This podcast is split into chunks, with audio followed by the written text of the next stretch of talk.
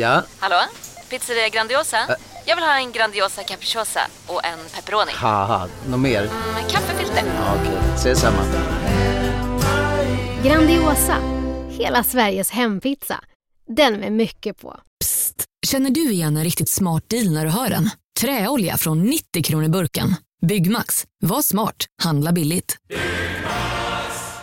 Välkommen till Unionen. Jo, jag undrar hur många semesterdagar jag har som projektanställd och vad gör jag om jag inte får något semestertillägg? Påverkar det inkomstförsäkringen? För jag har blivit varslad, till skillnad från min kollega som ofta kör teknik på möten och dessutom har högre lön trots samma tjänst. Vad gör jag nu? Okej, vi tar det från början. Jobbigt på jobbet. Som medlem i Unionen kan du alltid prata med våra rådgivare.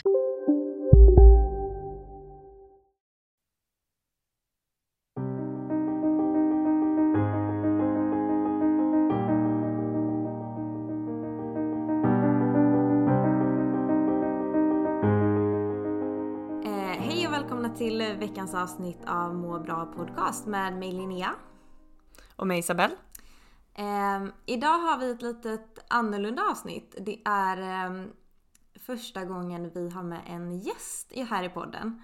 Eh, så himla kul. Eh, vi eh, kommer att ha med oss eh, Neko idag som eh, kommer att berätta lite om sina erfarenheter av psykisk ohälsa och dela med sig av sina verktyg kring hur han hanterade det då och hur han hanterar det nu. Eh, och vi tycker det är väldigt kul för att det känns som att det är ganska vanligt för tjejer att prata, eller vanligare i alla fall för tjejer att prata om psykisk hälsa och ohälsa och lite mer stigmatiserat eh, fortsatt hos män. Eh, och ehm, därför är vi jätteglada att eh, han ville vara med här idag och berätta om vad han själv har varit med om. Så vi tänkte börja dra igång med lite kort bakgrundsinfo eh, kring psykisk ohälsa och eh, hur det ser ut i samhället eh, mellan män och kvinnor. Och eh, sen så kommer vi eh, lämna över ganska mycket till Neko och flika in med lite frågor. Och det här, eh, större delen av det här avsnittet kommer alltså inte att vara eh, någon vetenskaplig grund i som vi brukar försöka fokusera på utan vi vill ha in hans eh, tankar och eh, känslor och åsikter och ehm, tar alltså ett steg från vårt, eller ett steg bort från vårt vanliga upplägg. Så vi hoppas att ni tycker att det här blir lika intressant som vi har tyckt att det har varit. Yes, och nu väntar jag på din fråga. Ska se, har jag glömt något Isabelle som Exakt, jag bara satt där och bara, här. ska jag säga något Ja. mer? Ja, För att, eh, det är väldigt spännande för att i slutet av avsnittet kommer vi även, kommer vi även eh, lägga lite vikt och frågor på just hur eh, man som patient känner att, eller en patients upplevelse i bemötandet. Eh, alltså vad ska man säga, ett läkare och patientmöte fast då ur patientperspektiv när det gäller just när man söker för, för någon form av ni kommer förstå sen när ni lyssnar men när en man då söker för psykisk ohälsa med i grunden då men som kanske inte är psykisk ohälsa i detta fallet då. Eh, som jag tycker väldigt, väldigt, för mig i alla fall och för dig Linnea vet jag, vi som är inom vården var väldigt nyttigt för oss att höra. Eh, jag tänker att det kanske finns andra inom vården som hade tyckt det var intressant att höra det också. precis. Och där är det ju inte bara hur man kanske borde försöka bemöta det när det gäller män utan bara rent generellt. Vad, vart brister vi inom vården och vad kan vi göra bättre? Mm, såklart. Jättebra tillägg. Men då drar vi igång! Då drar vi igång. Åh, nu kommer det en ny. Oh.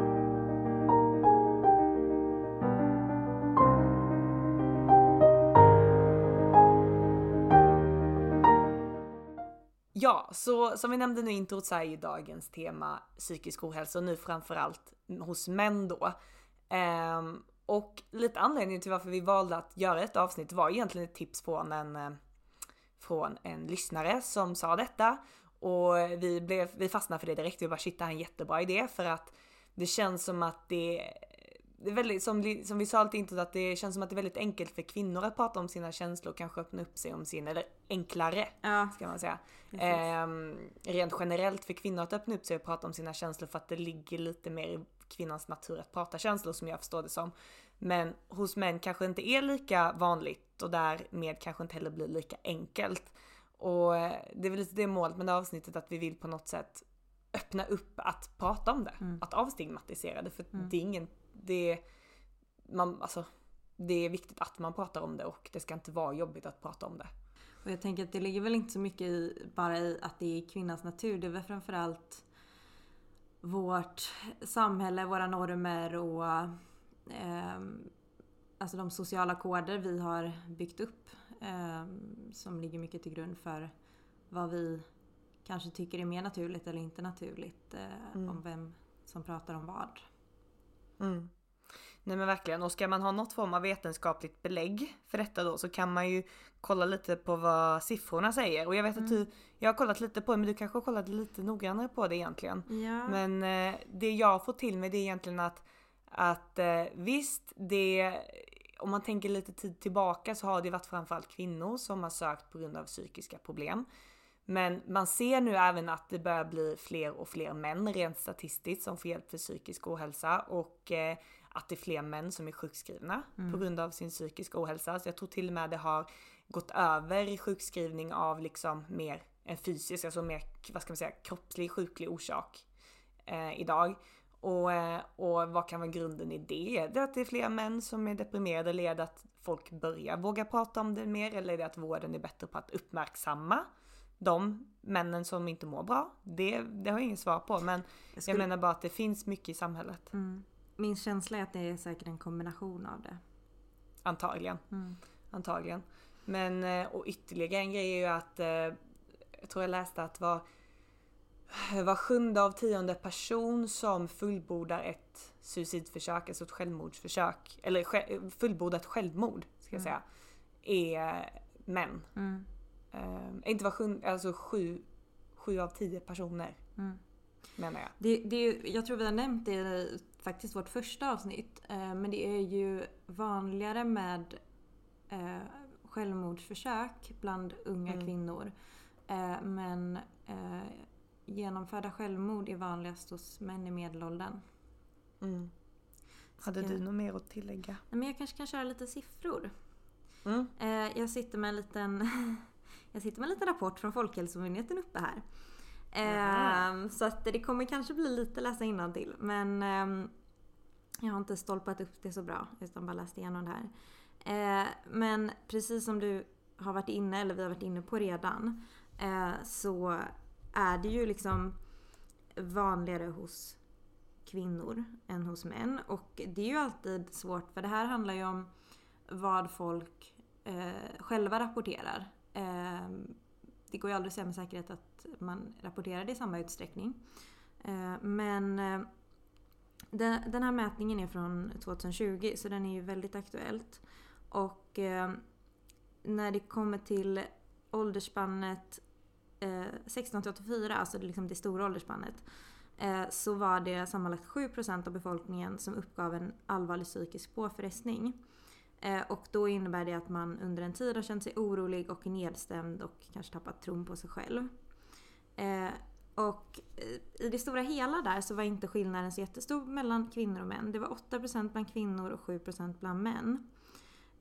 när det gäller yngre åldersgrupper så Eh, det var i yngre åldersgruppen som det var som vanligast. Och ehm, då pratar vi om 16 till 29 år. Och då var det i, bland kvinnorna 15% som uppgav allvarlig psykisk påfrestning medan det var 11% bland männen. Eh, och sen fanns det lite andra faktorer som man var inne på också eh, kring eh, olika förhållandet mellan den psykiska påfrestningen och eh, sysselsättning och ekonomi och så. Men det tänkte jag kanske inte gå in så mycket på nu eftersom vi tänkte fokusera mer på eh, skillnaden kvinnor och män.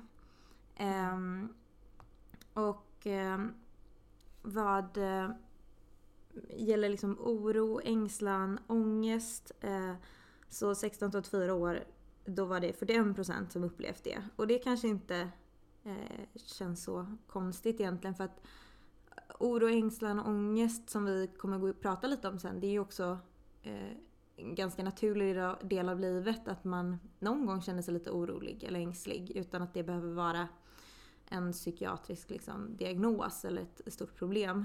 Eh, med, och framförallt i den här rapporten så handlade det om lätta besvär. Eh, men det var vanligare bland kvinnorna. Det var 49% av kvinnorna Eh, som svarar att de har haft lättare eh, eller svårare besvär av ängslan, oro eller ångest medan det var 33% eh, bland männen. Och återigen så var det vanligast då i de yngre åldersgrupperna 16 till 29 år.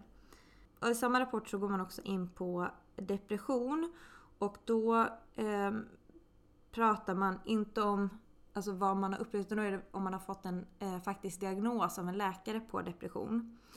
Och i rapporten så efterfrågades eh, senaste året.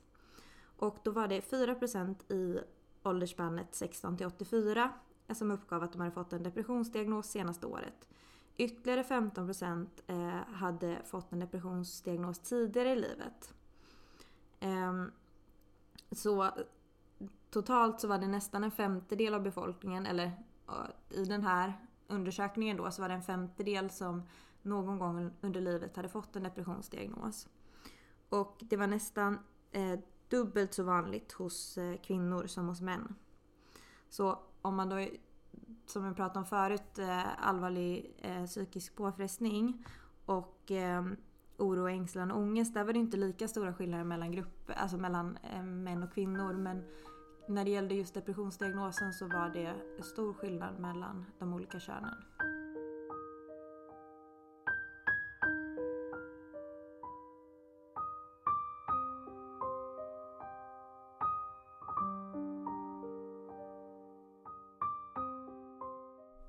I dagens avsnitt så har vi en gäst med oss eh, som vi är väldigt glada att ha med här idag som kommer att prata om sin egna livshistoria kring detta. Och jag tänker Neko att du ska få presentera dig själv. Vem är du? Hallå allihop! Eh, jag är, ja jag heter Neko. Eh, är 32 år gammal, ska bli snart 33. Eh, jag tränar mycket, eh, jobbar som en eh, rådgivare. Och eh, jag bor i Malmö och det har jag gjort hela livet.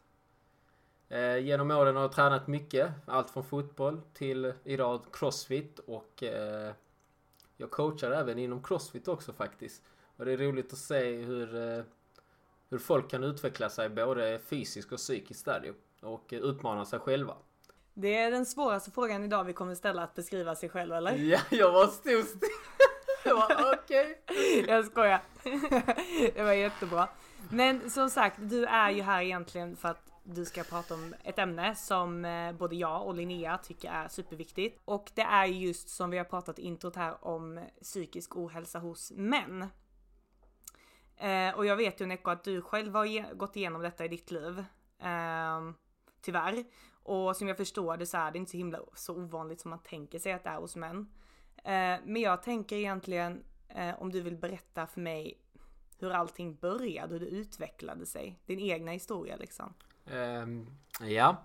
Nej, jag tänker, jag vill bara rätta till här när du sa tyvärr. Uh, ska jag vara helt ärlig. Ja, givetvis under punkten när man mår dåligt så tycker man det är för jävligt. Men en mm. grej jag, jag tar med mig, jag vänder det negativa till det positiva. För det har gjort att jag har hittat lite andra saker inom mig som jag inte visste jag hade.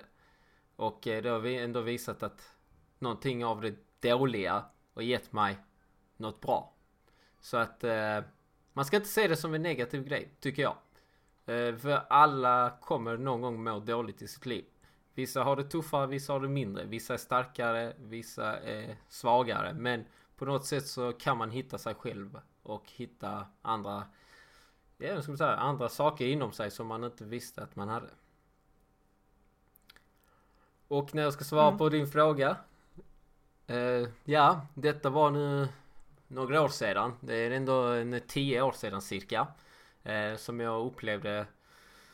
Jag mådde dåligt och då var det mycket det här ju att man sov dåligt. Eh, man kunde gråta utan någon anledning. Eh, och då undrar man lite vad, var det, vad hände med en? Alltså vad händer i kroppen? Vad, vad är det som orsakar? Det fanns ingen riktig anledning. Jag hade två jobb, jag jobbade. Eh, det kan vara att man bara samlat på under åren. Till sist så säger kroppen ifrån. Och då känner man, eh, man känner faktiskt, eh, man känner sig lite ensam. Även om man inte är ensam, man har folk alltid runt omkring sig. Jag har alltid haft folk runt omkring mig. Både familj och vänner och så vidare. Men eh, just när man mår dåligt så känner man sig lite ensam och så här eh, Och ja. Men det gjorde också att det gjorde mig också ändå stark för att vara ensam. Känna sig ensam gjorde mig stark. Men det var, det var tufft eh, för att du skulle försöka vara glad framför andra medan du skulle gå och jobba också. Och du skulle komma hem och du skulle vara glad framför familj och här. Du vet, för att man ville inte berätta till någon att man mådde dåligt. Man gick och bet tungan om eh, hur man säger. Det finns ett ordspråk väl. Eh, och det gjorde också att man man tog sig igenom det själv mer eller mindre. Men du säger att du inte ville berätta för någon eller du eh, kände att du inte hade någon att prata med eller var det jobbigt att prata om det eh, för folk eller var det som gjorde att du inte ville berätta för någon? Nej, jag tror det handlar mycket om det här att jag tror inte jag, jag hade folk att berätta men det är lite här stolthet. Man vill inte göra någon orolig i familjen, kanske föräldrarna eller någon syskon. Själv så känner man bara, nej men detta, nej jag vill inte berätta det. Och lite stoltheten, fan, eh, jag är stark. Eh, detta kan inte hända mig. Eh, mm. Ja men lite, lite, bland män är det lite så här en tabugrej bara, oh. Nej, du kan inte visa att du är svag. Och, och det var, det var inte så att jag snackade om det, i alla fall då. Men nu några år sedan, senare så har man pratat mer om det. Och mer man har öppnat upp det och berättat sin resa lite och, till folk och så vidare. Och det är därför det är kul att man får vara med er podcast där och eh, prata om det. Och hjälpa andra kanske. Men det som är det intressanta, man märker, jag själv märker direkt på om någon mår dåligt nu. På grund av att jag själv har varit mm. där. Eh, du ser liksom tecken? Jag ser, ja, säga. jag ser tecken, jag ser beteendet, jag ser... Mm. Och det är faktiskt... Eh, en fin eh, egenskap man har fått med sig där. Och för att då mm. kan man ändå gå och börja prata lite med den personen. Eh, jag brukar gå fram och prata om det. Eh, lite så, ja men hur mår du? Hur är det? Du vet lite sådär. Och det, det uppskattas att någon ser någon som inte mår bra.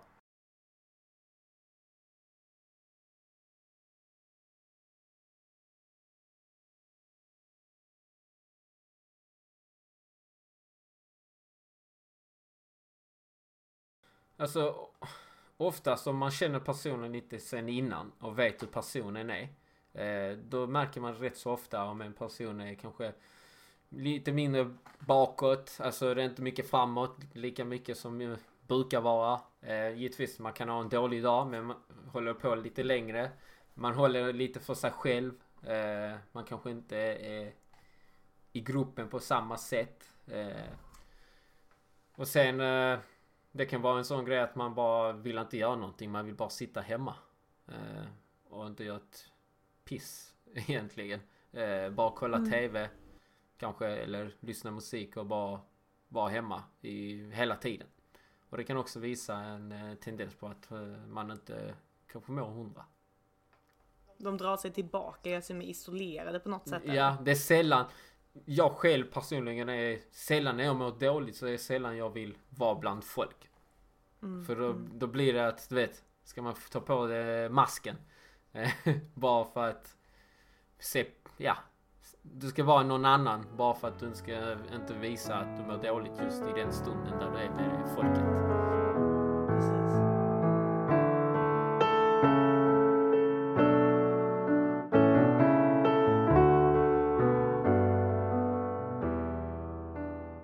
Eh, du behöver inte svara på det här om du inte vill. Men eh, när, du säger ju att du mådde dåligt. På vilket sätt mådde du dåligt? Var det bara att du var... Var det mycket ångest eller hade du en depression eller liksom? Eh, jag kan säga så här, det var nog en blandning och genom åren så även om man har mått dåligt och kommit tillbaka så kan man ju få fortfarande panikattacker i vissa fall eh, vissa händelser. Du kan fortfarande vara deprimerad en period. Eh, och det är inte konstigt att man, vi är ju mänskliga. Eh, men det som är fördelen där, har du varit med innan, då, i alla fall jag, kan hantera det på ett annat sätt ju. Jag, jag kan hitta, hitta mig tillbaka rätt så snabbt. Eh, och eh, ja alltså det var allt från att man hade, fick magkatarr eh, till eh, depression, ångest, tungt att andas. Man kände att åh, hjärtat. Eh, man hade, man hade typ hög puls hela tiden. Det var, så kände man mycket. Man åkte in till sjukhuset för att man trodde, ja, det var något fel på en. Och felet var ju antagligen stress, eh, oro, utmattning. Eh, som också orsakar depression och ångest och så vidare. Fick du någon hjälp för det? Nej, de bara tog prover för de ville kolla, ja du vet hjärtat och här och det var inte någon eh, riktig hjälp på det mm. sättet. Eh, det var mer, de trodde att nej, det var någonting med min eh, blodtryck och så vidare. Eh, sen, fick, sen fick jag konstatera att jag hade magkatarr och så fick jag tabletter. Och där kom vändpunkten. Jag fick tabletter mot magkatarr. Jag började ta dem, jag skulle ta dem 14 dagar men eh, jag kände att efter en vecka tror jag det var så mådde jag inte bra av det. Jag kände, alltså det kändes som att jag bara fick stickningar i benen och så här. Så jag blev så förbannad så jag tog de jävla tabletterna och så slängde dem i papperskorgen. och så, så sa jag till mig själv, nej, detta är inte jag. Detta är inte jag.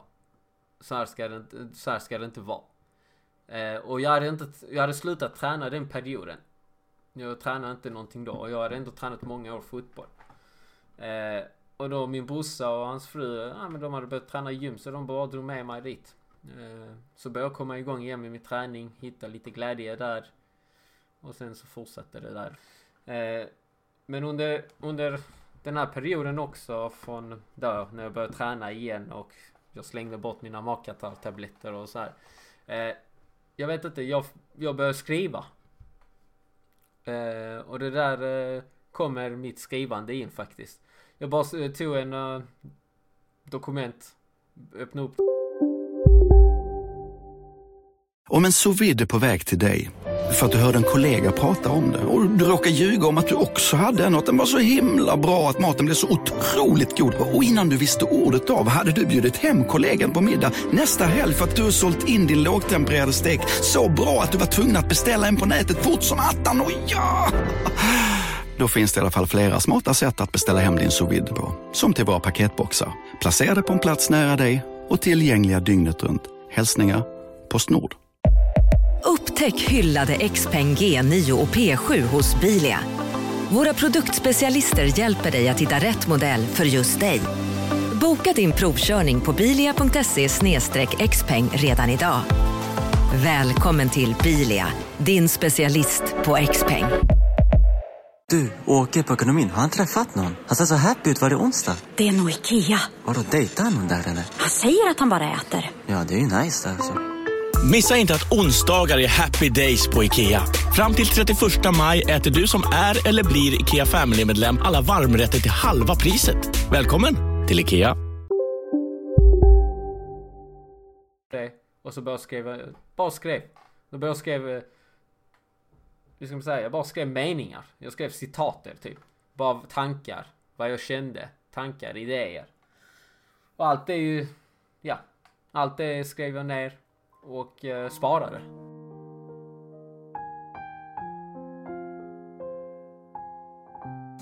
Men eh, så här, om, om det är någon annan som lyssnar här nu som är i samma situation som du var för några år sedan. De mår dåligt, de vet inte riktigt vad de ska göra.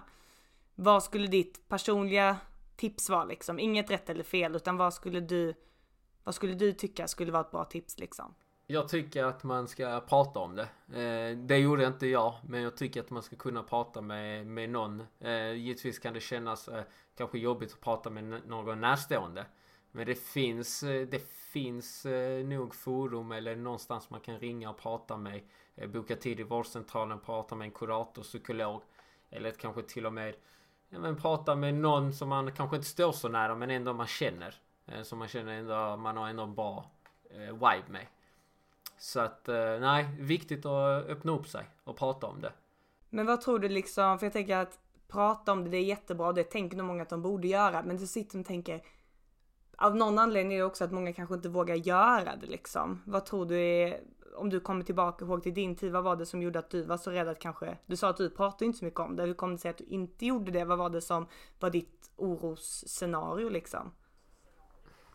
Jag tror inte det var en oro, ex, eh, alltså det var mer ju lite här stoltheten, mm. jag är kille, jag kan inte berätta, jag vill inte att eh, mina föräldrar ska vara mm. oroliga.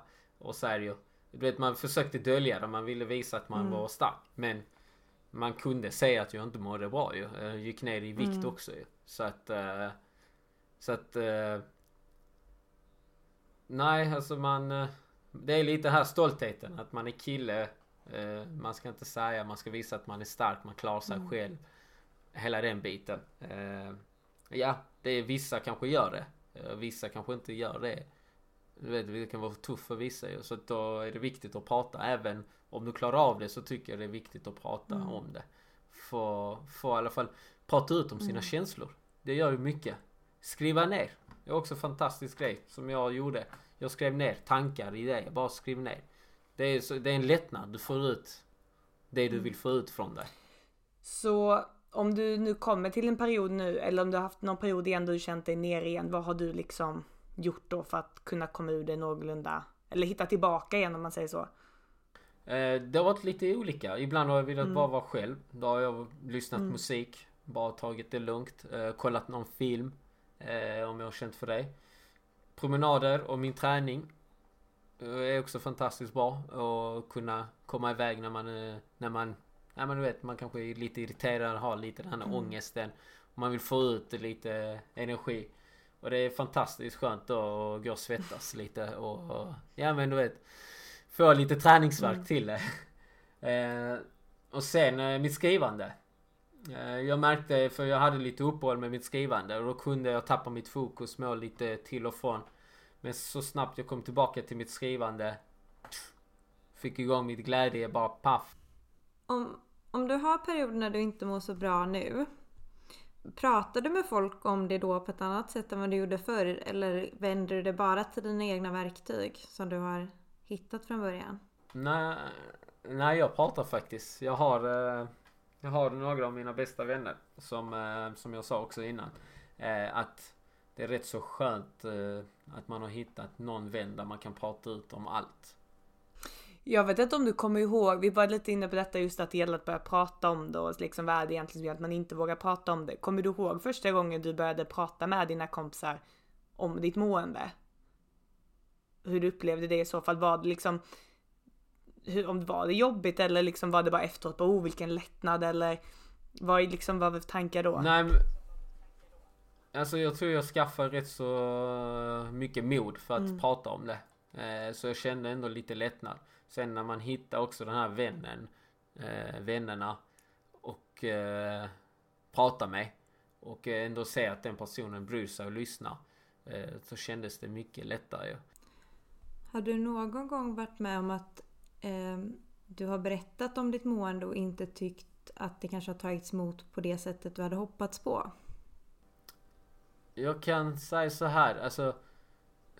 Jag tror vissa folk som kanske inte har mått dåligt. Eh, och så ju. De kan ju känna lite om man pratar för mycket om det i sociala medier och så ju. Så kan de känna lite, ah den här personen vill bara få uppmärksamhet. Den här personen vill bara, där är det synas. Ja du vet. Ah, ja bla bla bla, du har mått dåligt i- hit och dit. Eh, men egentligen. De som har mått dåligt.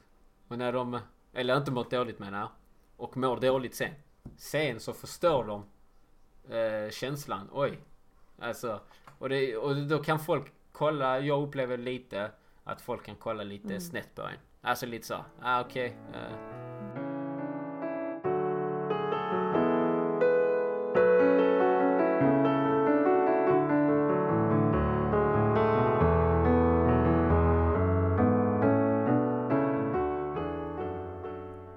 Hade, hade du önskat att, att folk hade försökt prata mer med dig om det när du mådde dåligt första gången?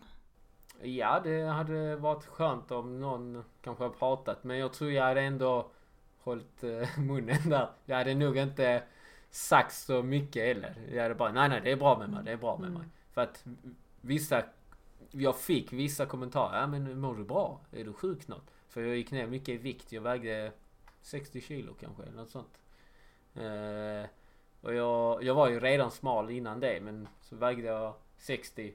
Men nu väger man inte så mycket. Nu väger man mycket mer. Eh, och eh, då kunde folk säga, "Eh, mår du bra? Är du sjuk? Och så här, Och då sa jag, nej nej det är bra med mig. Det är bra med mig, Mm. sa man. Eh, för att man vill inte, man vill inte säga sanningen. Eh, och eh, en jobbig grej är när man om man får en panikattack eller man får tår, tårar i ögonen under där, kanske du är på träningen eller du är på någon där du är med folk och så här, och du vill inte visa det. Den är jobbig när man försöker bita ihop och inte visa det. Eh, för man vill inte bryta ut det. Eh, och då sätter man på mm. masken. För att man skäms typ att visa det. Eh, jag vet inte varför det är så, men det är bara väl så samhället är uppbyggt kanske.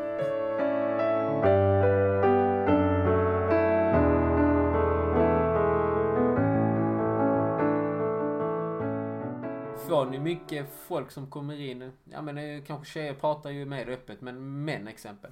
Kommer många män och berättar om de mår dåligt? Alltså... Upplever ni det? Ja, det kan jag nog inte säga att jag har en jättestor erfarenhet mer än när jag varit just på en psykavdelning. Där män, alltså de faktiskt är inlagda för att de mår dåligt. Då pratar de ju om det. Eh, sen har jag nog bara en erfarenhet från akuten och en från privatlivet egentligen där det var eh, två olika män då som verkligen trodde att de hade typ, de höll på att dö, fick en hjärtinfarkt och det var en form av panikångestattack. Eh, men både, nu kan jag inte säga det, det är ju två personer så jag kan inte uttala mig så mycket om det men inte någon av dem ville egentligen bekräfta eller tyckte det var en rimlig eh, förklaring till hur modda mådde att det var en panikångestattack och att det inte var kopplat till hjärtat kan jag väl säga. Men eh, jag, jag har inte, har du någon mer erfarenhet av det Linnea? Ja, alltså jag har ändå ganska många, ganska många, men en del som jag träffat på eh, på akuten. Eh, som kommer in och det är oftast att folk kommer in och inte kan andas eller eh, har ont i bröstet. Eh, mm, det var det vanligaste. Ja. Och sen har jag träffat ganska många också nu framförallt alltså många med corona som har ångest i botten som kommer in och bara jag kan inte andas, jag kan inte andas. Eh, som egentligen inte är så sjuka i sin coronainfektion men de har en ångestproblematik som liksom spä, och det, de liksom spär på varandra. Eh, men där är min erfarenhet att alltså, om man tar sig lång tid från början eller när man väl liksom börjar verkligen förklara att så här, jag hittar inget fel jag tror det är bara liksom ångest men det gör ju det inte jobb eller mindre jobbigt för dig. Eh, men jag kan inte se att det finns något fysiskt farligt för dig. Då har jag liksom upplevt att alla eh, ändå liksom förstår det och blir ganska lugnade av det. Att förstå att det är inte något fel med mitt hjärta, det är inte något fel med min andning. Liksom. Eh, men de flesta kommer ju in, precis som du beskriver, det är ju ofta, det är väldigt sällan folk men det är också för att jag är på en akutmottagning. Då, då kommer ju inte folk dit för att de är liksom vill ha hjälp med sin ångest utan de kommer ju dit för att de vill ha hjälp med sitt hjärta eller sin andning. Um, och att det sen landar i att det är liksom en ångest när man har uteslutit allt det uh, fysiska som kan vara farligt. Mm. Men eh, jag tycker ändå lite, jag har ändå bara träffat två stycken som har kommit in just med de här panikångestsymptomen. Mm. Båda de har ju varit män. Mm. Jag vet inte om du Jag har också träffat någon... flest män. Ja visst, det är lite det mm. jag tänker på att det kanske är kvinnor kanske är mer bekräftande, oj det här kan vara en panikångestattack medan män kanske har lite mm. svårare typ att inse att det är det. Jag vet inte om det är som en, mm. det känns lite som det. Men jag vet inte. Eller så söker kvinnan hjälp äh, jämfört med mannen. Alltså rakt ut, jag mår dåligt, jag har panik mm. och så här, så här. Jämfört kanske mannen som vi snackade mm. om stoltheten. Att man inte Nej, det är inte... Jag mår inte mm. psykiskt dåligt. Jag mår... Det är mitt hjärta som ni säger. Mm. Andningen. Så går man in... Ja men ditt hjärta är bra. Mm. Du andas bra. Det är mm. inget fel på det. Eh, och det kunde jag själv gå in ibland i sjukhuset för att mm. jag trodde det. Och det var inget fel på mig. Det var, och så kunde de säga ja men du, det är nog stress och så här, Och det är där som är lite synd att man inte ger hjälp mm. därefter. När man ändå konstaterar kanske det är en panikattack eller ångest eller stress. Nu vet jag inte hur sjukvården är idag men i alla fall några år tillbaka var det kanske inte många eh, sjukhusläkare som eh, tog tag i det på det sättet. Du menar lite att man ska komma på rätt instans? Ja men exempel som vi säger om det kommer in en patient till er eh, och med hjärtat tror de och detta här och så konstaterar jag att nej, det är inget fel där. Det är nog mm. en panikattack, ångest och allt det här. Och sen eh, Sen så vad gör man där? Skickar man hem personen bara? Ja men det är ingenting, gå hem och vila. Um, alltså jag... Den tråkiga sanningen är väl att tyvärr finns inte alltid tiden att eh, liksom göra det helt och hållet ordentligt. Jag tror att det är det som blir det svåra många gånger tyvärr. Um, jag brukar försöka vara väldigt noggrann men det är nog också för att jag själv har haft en del ångest och vet hur fysiskt den känn, känns. Liksom. Eh, men jag brukar vara ganska noggrann med att liksom säga till dem att vänd dig till din vårdcentral för du kan få hjälp med det här. Eh, speciellt de som kanske kommer in med det första gången. De flesta jag har träffat har en känd ångestproblematik. Eh, och är väl själv medvetna om det. När man pratar om det så vet de eh, Okej, okay, men de vet vart de kan få hjälp eller de vet vad de själva, som du själv beskriver, att de vet vilka verktyg de behöver använda för att det ska bli bättre. Eh, men de som kommer in med det första gången, där brukar jag försöka vara ganska noggrann med att säga att du kan gå till din vårdcentral med det här. Eh, och i vissa fall om jag känner att de kanske inte kommer göra det själva, då skickar jag en remiss när tid finns. Eh, men det är nog tyvärr väldigt olika beroende på vem man stöter på och hur belastningen ser ut just när man kommer in med det. Mm. Mm, men det, för det var den frågan jag satt med förut som jag inte riktigt kom på. Um, och nu har du beskrivit ganska mycket om det att, eller du har ju frågat oss lite hur, hur man bemöter det eh, och hur man, liksom, om man träffar på det i sjukvården. Um, och jag har bara sett det från eh, från rollen som att jag har varit och jobbat och inte som patient.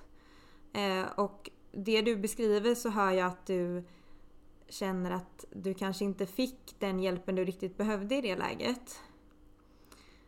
Um, Nej, Nej det, det, är helt rätt. Alltså jag tror inte man lägger inte ner den resursen som du sa. Man kanske inte har den tiden. Och då skickar man det vidare och kanske den här patienten tar inte i akt och eh, kontaktar mm. vårdcentralen. För vad hade du vad hade du själv önskat i de lägena? Vad tror du hade kunnat hjälpa dig när du har kommit in och fått höra att det inte är någonting med hjärtat? Vad tror du hade... Vad hade du önskat liksom få för hjälp i det läget? Alltså jag tror det som hade varit bra att få hjälp direkt på plats. Kanske få prata med en kurator, en psykolog. Som har erfarenhet för att få ut saker från eh, någon som inte mår bra kanske. Och då hade man gjort det på plats ju. Istället för att skicka hem och så får man boka tid själv på vårdcentralen. Mm. Och där tror jag tyvärr att problemet blir att eh, ofta när man kommer till akutmottagningen så kommer man med de som kallas somatiska besvären. Alltså, eh, man söker ju som vi pratade om precis att man söker kanske inte ofta för sin ångest utan man söker för ont i bröstet eller problem med andningen. Och då kommer man till en, en akutmottagning som eh, tar hand om de fysiska besvären. Där man liksom ser till att eh, sortera, är det här något som behöver eh, behandlas på sjukhus för liksom, att man behöver mediciner eller operation eller så. Eh, eller är det här något som inte behöver göras på sjukhus?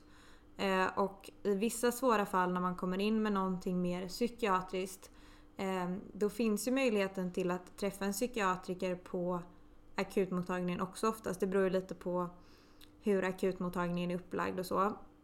Men då är det ju ofta mer eh, de riktigt kanske svåra fallen där man är eh, orolig för eh, suicidrisk eh, eller att det är någon mer liksom psykos eller så, de riktigt liksom svåra tillstånden. Eh, och eh, tyvärr så är det ju så att när det gäller ångestproblematik, eh, panikångestattacker och så. Eh, samma sak sker ju om man då ändå skulle kommit till en eh, psykiatrisk akutmottagning så sker ju samma utrensning som på en vanlig akutmottagning. Att det handlar om, är det här något vi behöver göra inneliggande just nu eller är det här något vi kan sköta eh, utanför sjukhuset. Och det mest optimala, precis som du beskriver, hade ju verkligen varit att, att man kunde få hjälp med det där och då. Eh, men det svåra blir ju att man ofta kommer till Ehm, fel typ av akutmottagning som kanske inte alltid kan vägleda vidare helt rätt. Eh, och framförallt inte ha några resurser överhuvudtaget att ta hand om det på plats vilket är jätte, eh, jättetråkigt. Vilket bemötande tycker du att du har fått när du har varit på akutmottagningen med de här besvären? Nej, oftast när man, när man kände andning och trycket här i bröstet och så vidare. Då har det varit att de har tagit dig snabbt och gjort en EKG. Eh, och du har tagit blodprov och hela den biten. Eh, och då har det visat att det inte varit något fel. Och hur har... Och så har de bara sagt... Ja, nej, ingen fara. Eh, ja men lite så här, ja men det är inget fel, du är stark som en oxe. Jaha. men och sen så bara, ja det kan vara stress, utmattning och så vidare. Och sen har det inte gjorts mycket mer än så ju. Så har man fått gå hem. Har du fått någon information om vart du skulle kunna vända dig? Uh, inte vad jag minns Nej. faktiskt. Uh, inte vad jag minns. Nej. Tror du, Nico, för du sa att uh, du inte riktigt vet, om, om det är någon som har berättat för dig vart du kan vända dig så kommer du i alla fall inte ihåg det.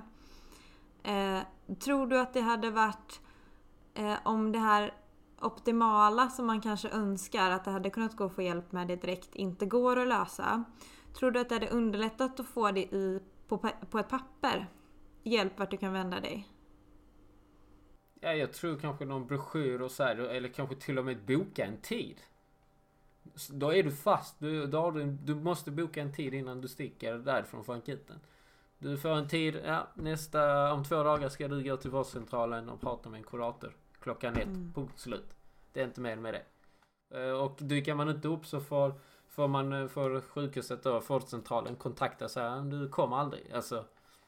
Men just det här att boka, du vet, knyta fast personen. Jag tror det, det hade också varit en grej. Mm. Ja, för problemet är ju det här som du beskriver med att boka upp en tid. Det är också en sån sak som hade varit så himla bra men eh, akutmottagningen styr ju inte över tiderna på vårdcentralerna.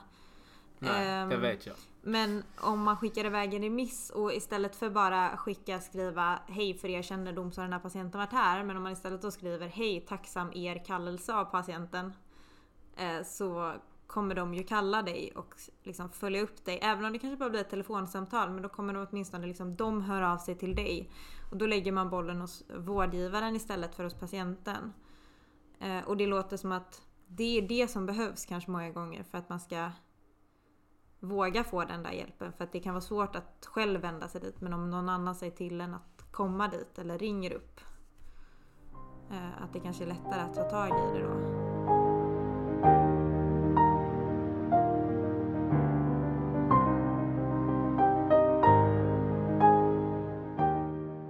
Tack så jättemycket för att du har velat lyssna på oss idag och eh, vi hoppas att du tycker det är lika kul att hänga med på den här resan eh, som vi tycker att det är. Ehm, och jag hoppas att ni vill vara med även nästa gång. Om eh, du har några synpunkter, frågor, tankar, kritik av något slag så tar vi jättegärna emot allt sånt.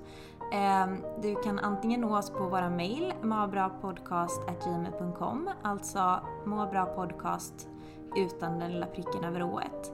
Eh, eller så kan du nå oss via våran Instagram eller bara följa oss även om du inte har något som du vill eh, säga. Och där heter vi också Mabra Podcast. Tack så jättemycket. Eh, ta hand om dig och må bra. Och glöm inte av att andas. Puss puss!